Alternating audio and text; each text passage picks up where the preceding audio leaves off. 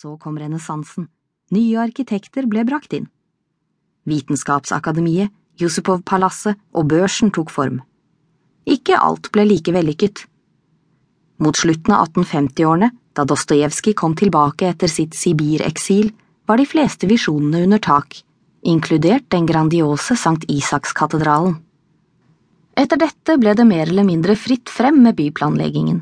Dekadansen satte inn, stilartene slåss side om side, oppstandelseskatedralen i provoserende gammelrussisk stil samt palasser for tsarens nyrike slektninger og beskyttere reiste seg over de trange kanalene. De som hadde penger, fikk bygge, så lenge de ikke bygde høyere enn Vinterpalasset. Selv i dag kan du heve blikket i denne byen uten å få øye på en eneste moderne høyblokk. Det kan lønne seg å begynne St. Petersburg-besøket med en kanalsightseeing, som både er trivelig og gjør det lettere, hvis du også følger med på et kart, å finne frem senere. Du kan bruke forbrytelse og straff som et slags kart også. Dostojevskijs beskrivelser er detaljerte, og med litt oppfinnsomhet kan romanen fungere som en guide til den delen av staden forfatteren brukte som en levende kulisse til en av verdenslitteraturens mest leste bøker. Romanen begynner og slutter på Høytorget, nå Sennaja-plassen.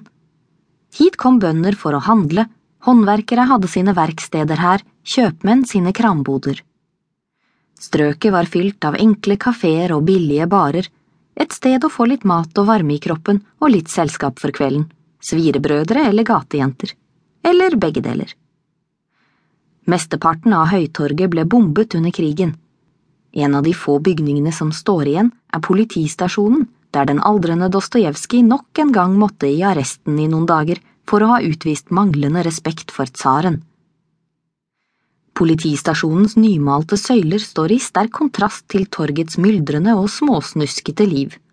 Alt er på utsalg, fra nykopierte videokassetter til flere dager gammelt brød. Innenfor søylene er de gamle cellene gjort om til utstillingsmontre for krypdyr av alle slag og størrelser. Forbrytelse og straff foregår for det meste rundt Gribojedova-kanalen og dens små avstikkere som på Dostojevskijs tid ble brukt som både vaskebalje, badevann og kloakk.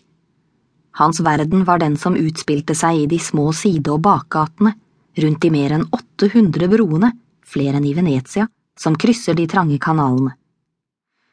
Jo lenger unna hovedgaten man er, jo smalere blir gatene, kvartalene blir mer falleferdige, portrommene mer forsøplet. Det enkleste for en førstegangsbesøkende er kanskje å oppsøke Dostojevskij-museet, som ligger en kort spasertur fra stedet der gaten Vladimir Prospekt og hovedgaten Nevskij Prospekt krysser hverandre. Stedet ble kalt Lusebørsen, byens arbeidsløse møttes her i gamle dager. Her kan man se forfatterens hjem og være med på en byvandring i Raskolnikovs, forbrytelse og straffs hovedperson, sine fotspor. Utenfor museets inngang er det reist en statue av Dostojevskij. Istedenfor å kaste blikket bort mot Vladimirkirkens skinnende kupler, stirrer han melankolsk ned i brosteinen. Dostojevskij nevnte sjelden Nevskij Prospekt, adelens gate, i sine skrifter. Men du besøker ikke St. Petersburg uten å tilbringe mye av din tid i denne paradegatens nærhet. Den er en fire og en halv kilometer lang boulevard der du nesten fornemmer jordens krumning når du står ved Admiralitetet og følger gatens snorrette linje med øynene. Tsartidens rikdom står til skue hvor du enn snur deg her. Barokkens overdrivelser former et kontrastfylt bakteppe til de eksoshostende ladaene og salryggede, overfylte bussene som går i skytteltrafikk mellom elven Neva og Aleksandr Nevskij-kirkegården i den andre enden, hvor Dostojevskij ligger begravet. Han er i godt selskap for øvrig.